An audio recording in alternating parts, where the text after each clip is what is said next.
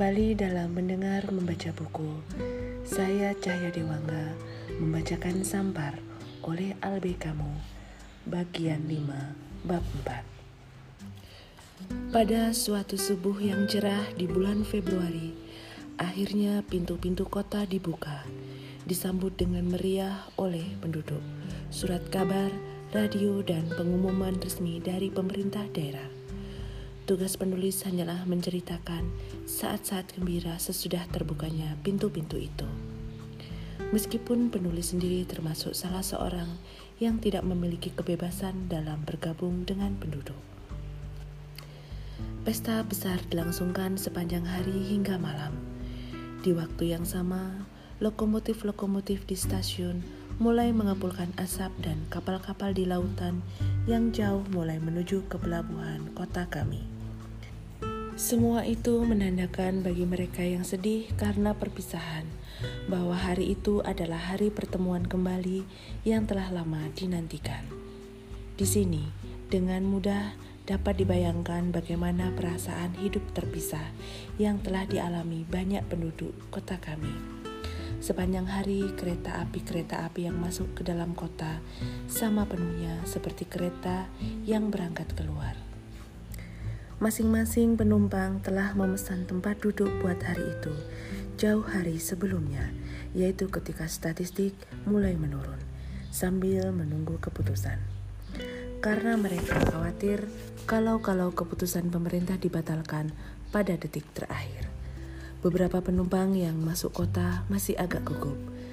Sebabnya, umpamanya, meskipun mereka mengetahui nasib keluarga atau orang tercinta, namun, pada umumnya mereka sama sekali tidak tahu tentang orang-orang lain dan kota Ohan sendiri.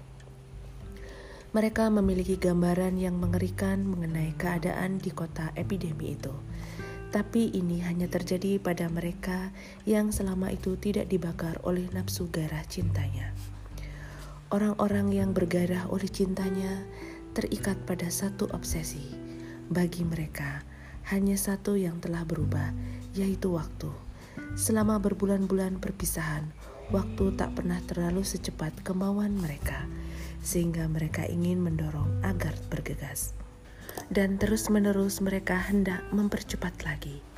Kini di saat mereka mendekati kota, dalam ketegangan mereka ingin memperlambat dan menahan setiap detik begitu kereta direm dan memasuki stasiun. Samar-samar namun sekaligus tajam, mereka menyadari menginginkan semacam imbalan karena selama berbulan-bulan itu mereka telah kehilangan hidup cinta mereka. Misalnya supaya saat kegembiraan itu berlalu kurang secepatnya dari waktu penungguan. Istri Rombe sudah diberitahu sejak lama sebelum pintu kota dibuka, sehingga dia dapat bersiap-siap melakukan apa yang perlu untuk memasuki kota Ohan hari itu. Rombe tergolong di antara mereka yang berada di kamar tunggu atau di peron, sangat tidak sabar dan gugup karena khawatir. Epidemi sampar telah menjadikan perasaan cinta serta kelembutan menyerupai keabstrakan. Kini dengan gemetar, Rombe menunggu saat yang akan menghadapkan dia dengan makhluk yang nyata yang selama itu telah menghidupi perasaan cinta dan kelembutan tersebut. Dia ingin menjadi dia yang dulu, yang pada permulaan epidemi hendak cepat berlari keluar kota dan melompat menyambut si dia yang tercinta. Tetapi sekarang Rumbe tahu bahwa ini tidak mungkin. Dia telah berubah. Sampar telah menanamkan sejenis sifat kelalaian dalam dirinya meskipun dengan seluruh kekuatan dia berusaha tidak mengakuinya. Namun kelalaian itu terus hidup dalam dirinya sebagai ketakutan yang tersekap. Bisa dikatakan Rombe merasa sampai berhenti terlalu mendadak sehingga dia kurang menyadari sepenuh-penuhnya. Kebahagiaan datang terlalu cepat. Perubahan suasana berlangsung lebih cepat daripada penungguan. Rumbi mengerti bahwa segalanya memang akan dikembalikan kepadanya dengan sekaligus, dan bahwa kegembiraan bagaikan rasa terbakar tidak bisa dinikmati secara perlahan-lahan. Lagi pula, sadar atau tidak, semua orang seperti Rombe. Penulis memang harus bercerita mengenai mereka semuanya itu. Di peron stasiun mereka, memulai kembali kehidupan pribadi masing-masing. Mereka masih merasakan setia kawan dengan saling memandang dan saling tersenyum. Tapi begitu tampak asap kereta mendekat, Perasaan pengucilan mereka mendadak musnah oleh siraman kegembiraan yang mengunggung dan memabukkan. Pada waktu kereta terhenti, perpisahan-perpisahan yang telah lama yang kebanyakan dimulai di peron itu pula seketika berakhirlah, yaitu di saat lengan-lengan merengkuh dengan penuh rasa memiliki tubuh-tubuh yang bentuk nyatanya telah mereka lupakan. Rumbe sendiri tidak sempat memandangi seseorang berlari-lari ke arahnya. Tiba-tiba dia terhempas di dadanya. Lalu kedua lengannya terkunci melingkari tubuh istrinya. Matanya hanya melihat rambutnya yang begitu dia kenal. Sambil menekankan erat ke dirinya, Rombe membiarkan air mata menetes tanpa mengetahui Apakah tangis itu disebabkan oleh kebahagiaan saat ini ataukah oleh penderitaan yang telah demikian lama ditekan? Bagaimanapun juga, air mata itu tidak memungkinkannya mendeliti apakah wajah yang berlabuh di lekuk pundaknya itu betul-betul yang telah begitu lama diimpikan, ataukah kebalikannya, wajah seorang yang telah menjadi asing bagi dia. Rumbe akan mengetahui nanti apakah kecurigaannya memang benar. Sementara ini, dia ingin berbuat seperti mereka di kelilingnya, percaya bahwa Sampar bisa datang dan pergi lagi tanpa mengubah sesuatu di hati manusia. Saling berangkulan, mereka pulang ke rumah masing-masing, buta terhadap dunia luar. Tampaknya telah memenangkan perjuangan melawan Sampar melupakan semua kesedihan dan kesusahan orang lain yang juga datang dengan kereta itu, tetapi tidak menemukan seorang pun. Mereka ini siap menerima kepastian kekhawatiran yang tumbuh dalam hati karena telah lama tidak mendapat berita dari kota terkurung. Bagi mereka yang hanya bertemankan kepiluan ini, dan bagi yang lain yang waktu itu menghamba kepada kenangan seseorang yang telah meninggal, masalahnya sangat berbeda. Perasaan hidup perpisahan telah mencapai puncaknya. Bagi golongan terakhir ini, ibu, suami, atau istri dan kekasih yang telah kehilangan kegembiraan hidup bersama makhluk, sekarang entah di lubang tak diketahui yang mana atau melumat dalam timbunan abu, sampar belum berakhir. Tetapi, siapakah yang berpikir kepada orang-orang seperti mereka? Waktu lohor, matahari telah mengalahkan angin dingin yang berembus sejak pagi. Secara tetap, sinarnya tenang bercurah di atas seluruh kota. Segalanya bergerak di benteng di atas bukit. Meriam menggelegar tak henti-hentinya di bawah langit biru tanpa noda. Seisi kota keluar untuk merayakan saat-saat mengharukan. Di mana-mana penderitaan telah berakhir sedangkan waktu buat melupakannya belum dimulai. Penduduk berdansa di semua lapangan dan alun-alun. Dalam waktu singkat, lalu lintas bertambah padat. Mobil-mobil yang bertambah jumlahnya semakin sukar lewat di jalanan yang penuh orang. Sepanjang siang, semua lonceng gereja dibunyikan. Dengungnya mengawang di langit biru keemasan. Memang, di semua gereja sedang dilangsungkan sembahyang syukuran. Pada waktu itu juga, tempat-tempat rekreasi pun penuh sesak, dan tanpa mengkhawatirkan masa depan, kafe-kafe menjual minuman keras dari sisa-sisa persediaan terakhir. Di bar kafe-kafe tersebut, berdesakan orang yang sama berisiknya dengan mereka di jalanan. Di antara mereka banyak pasangan berangkulan dan saling membelai tanpa mempedulikan pendapat orang lain. Semuanya berbicara keras-keras dan tertawa. Semua perasaan yang disekap selama berbulan-bulan ketika cahaya hidup penduduk menyala kecil, kini dikeluarkan pada saat yang dianggap sebagai hari keselamatan. esok akan mulai hidup itu sendiri bersama segala macam batasan-batasannya. Untuk sekarang, orang-orang yang berasal dari golongan yang sangat berlainan berdampingan penuh rasa persaudaraan. Kesamarataan yang tidak dapat diciptakan secara nyata oleh kematian kini terlaksana berkat kegembiraan telah bebas, walaupun hanya beberapa jam saja. Namun kegembiraan berlebih-lebihan yang agak uraan ini tidak menunjukkan semua keadaan kota hari itu. Mereka yang memenuhi jalanan bersama-sama Rombe sore itu sering kali menyembunyikan rasa kebahagiaan yang lebih peka di balik sikap ketenangan mereka. Kelihatannya mereka adalah pasangan-pasangan atau keluarga-keluarga yang berjalan-jalan mencari angin. Sesungguhnya kebanyakan mereka itu bersiarah ke tempat-tempat di mana mereka telah menderita. Maksudnya ialah untuk menunjukkan tanda-tanda berarti tempat sampar telah menyembunyikan sisa-sisa masa lalunya kepada mereka yang baru datang. Dalam hal ini, mereka cukup puas bertindak sebagai penduduk jalanan yang telah melihat banyak di masa epidemi dan mereka membicarakan bencana tanpa membayangkan rasa ketakutan.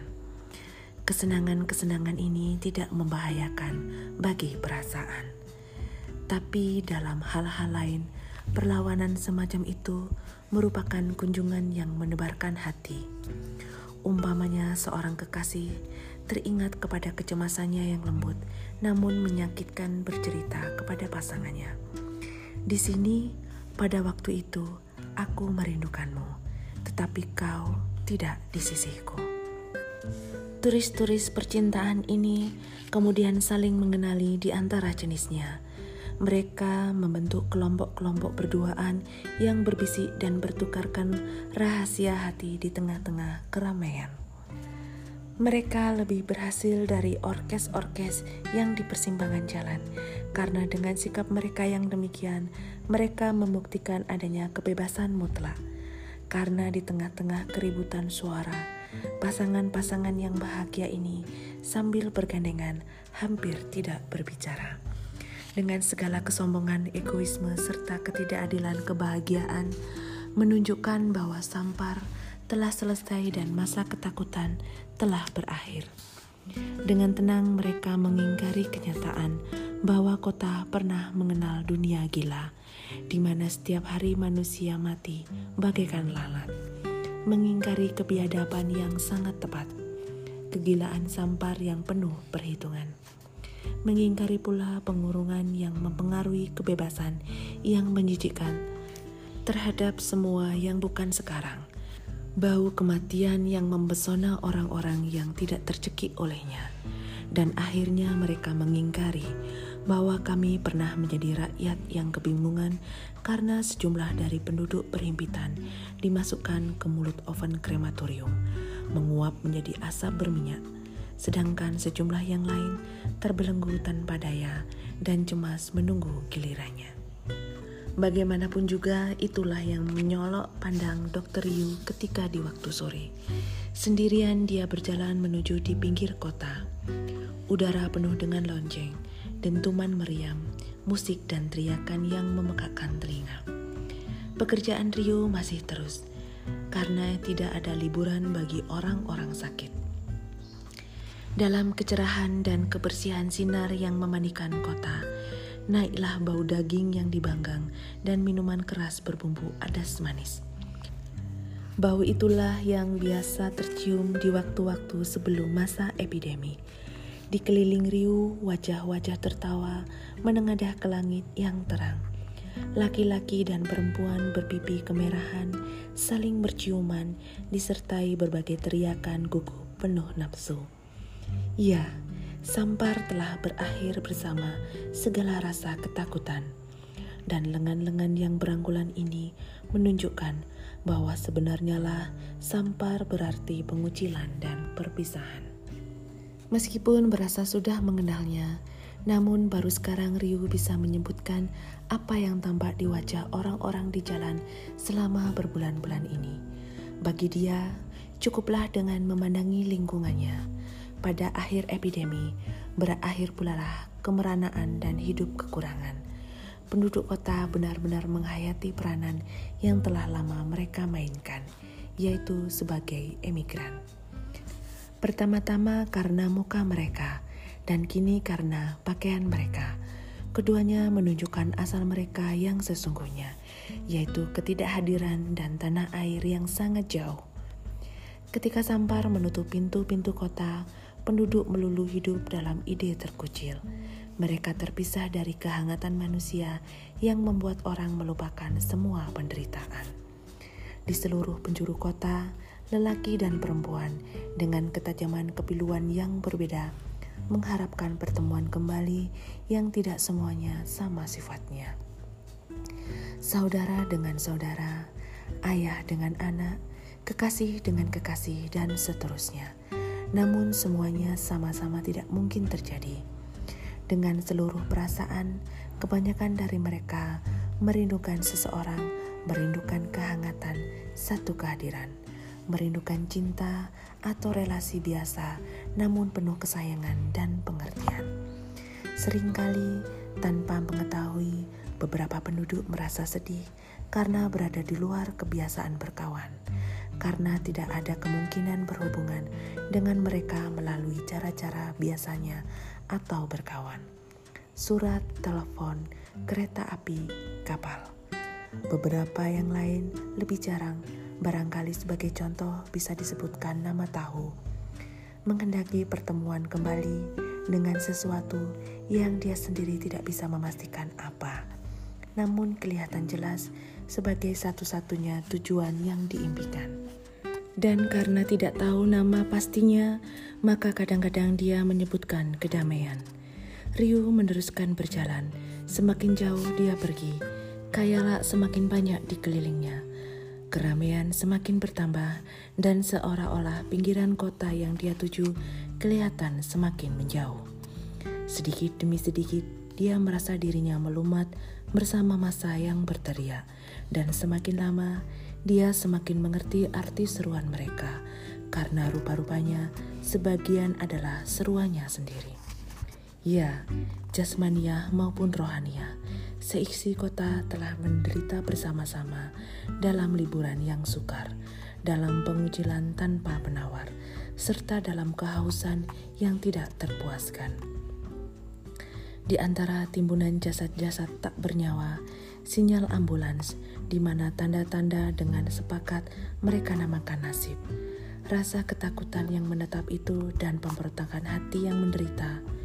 Di antara kekejian itu, tak hentinya terdengar kegaduhan suara yang mendengar dan mengingatkan makhluk-makhluk ketakutan ini bahwa mereka harus menemukan kembali tanah air yang sebenarnya.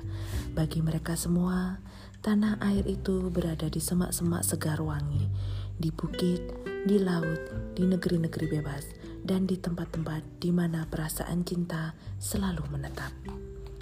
Dan ke arah itu semua, ke arah kebahagiaan itulah mereka ingin kembali, sambil dengan rasa muak memalingkan diri dari yang lainnya. Rio tidak mengetahui sesuatu pun tentang arti pengucilan atau keinginan bertemu kembali itu. Sambil tetap berjalan, Didesak dari sana-sini, kadang-kadang dihentikan orang. Perlahan-lahan, dia tiba di jalan yang tidak begitu penuh. Dia pikir tidak terlalu penting apakah sesuatu ada artinya atau tidak. Yang harus dilihat hanyalah apakah sesuatu itu menjawab atau memenuhi harapan manusia. Dia, Rio, mengetahui mana yang menjawab harapan tersebut dan dia melihat jelas sekarang di jalanan pinggiran kota yang setengah lengang. Mereka dengan rendah hati mengungkui kehendak kembali ke rumah orang-orang tercinta sering kali mendapat kepuasan. Memang sebagian dari mereka telah berkelana di jalanan kota sendirian karena tidak menemukan kembali orang-orang yang ditunggu. Untunglah mereka yang tidak berpisah untuk kedua kalinya Misalnya mereka yang sebelum epidemi tidak bisa membangun cinta mereka sehingga selama bertahun-tahun meneruskan hubungan sukar sebagai pasangan-pasangan kekasih yang selalu bertengkar. Mereka ini seperti halnya Ryu sendiri terlalu menggampangkan dan menyerahkan masalah kepada waktu. Akibatnya mereka terpisah untuk selama-lamanya. Tapi orang-orang lainnya seperti misalnya Rombe, tanpa ragu-ragu telah menemukan kembali si dia yang tidak hadir, yang dikira telah hilang. Sebelum meninggalkannya pagi itu, Dokter Yu berkata kepada Rombe, "Jangan takut, pergilah. Harus dibuktikan sekarang bahwa selama ini Anda memang benar." Setidak-tidaknya untuk beberapa waktu lamanya, mereka akan merasa bahagia mereka mengerti sekarang bahwa kalau memang ada sesuatu yang selalu bisa diinginkan manusia dan yang kadang-kadang terlaksana, itu adalah cinta manusia. Kebalikannya, bagi mereka yang lain yang telah mengharapkan bantuan di luar kemampuan manusia, mengharapkan sesuatu yang bahkan mereka sendiri tidak membayangkannya, mereka ini tidak mendapatkan jawaban. Kelihatannya tahu telah menemukan kedamaian yang sejak lama dia bicarakan. Tapi dia baru menemukannya setelah mati, di saat dia tidak lagi memerlukannya. Sedangkan yang lain-lain yang tampak berangkulan, yang saling memandang penuh gairah cinta di ambang pintu rumah-rumah dalam cahaya senja, mereka telah mendapatkan apa yang mereka idamkan karena selama ini mereka mengharapkan satu-satunya yang tergantung kepada mereka sendiri. Ketika Ryu membelok ke jalan tempat tinggal Grand dan Kutat, dia berpikir, sudah sepantasnya lah jika mereka yang memiliki keinginan terbatas dalam hubungan antara manusia disertai perasaan cintanya yang sederhana namun bermutu itu dipenuhi kehendaknya walaupun hanya kadangkala.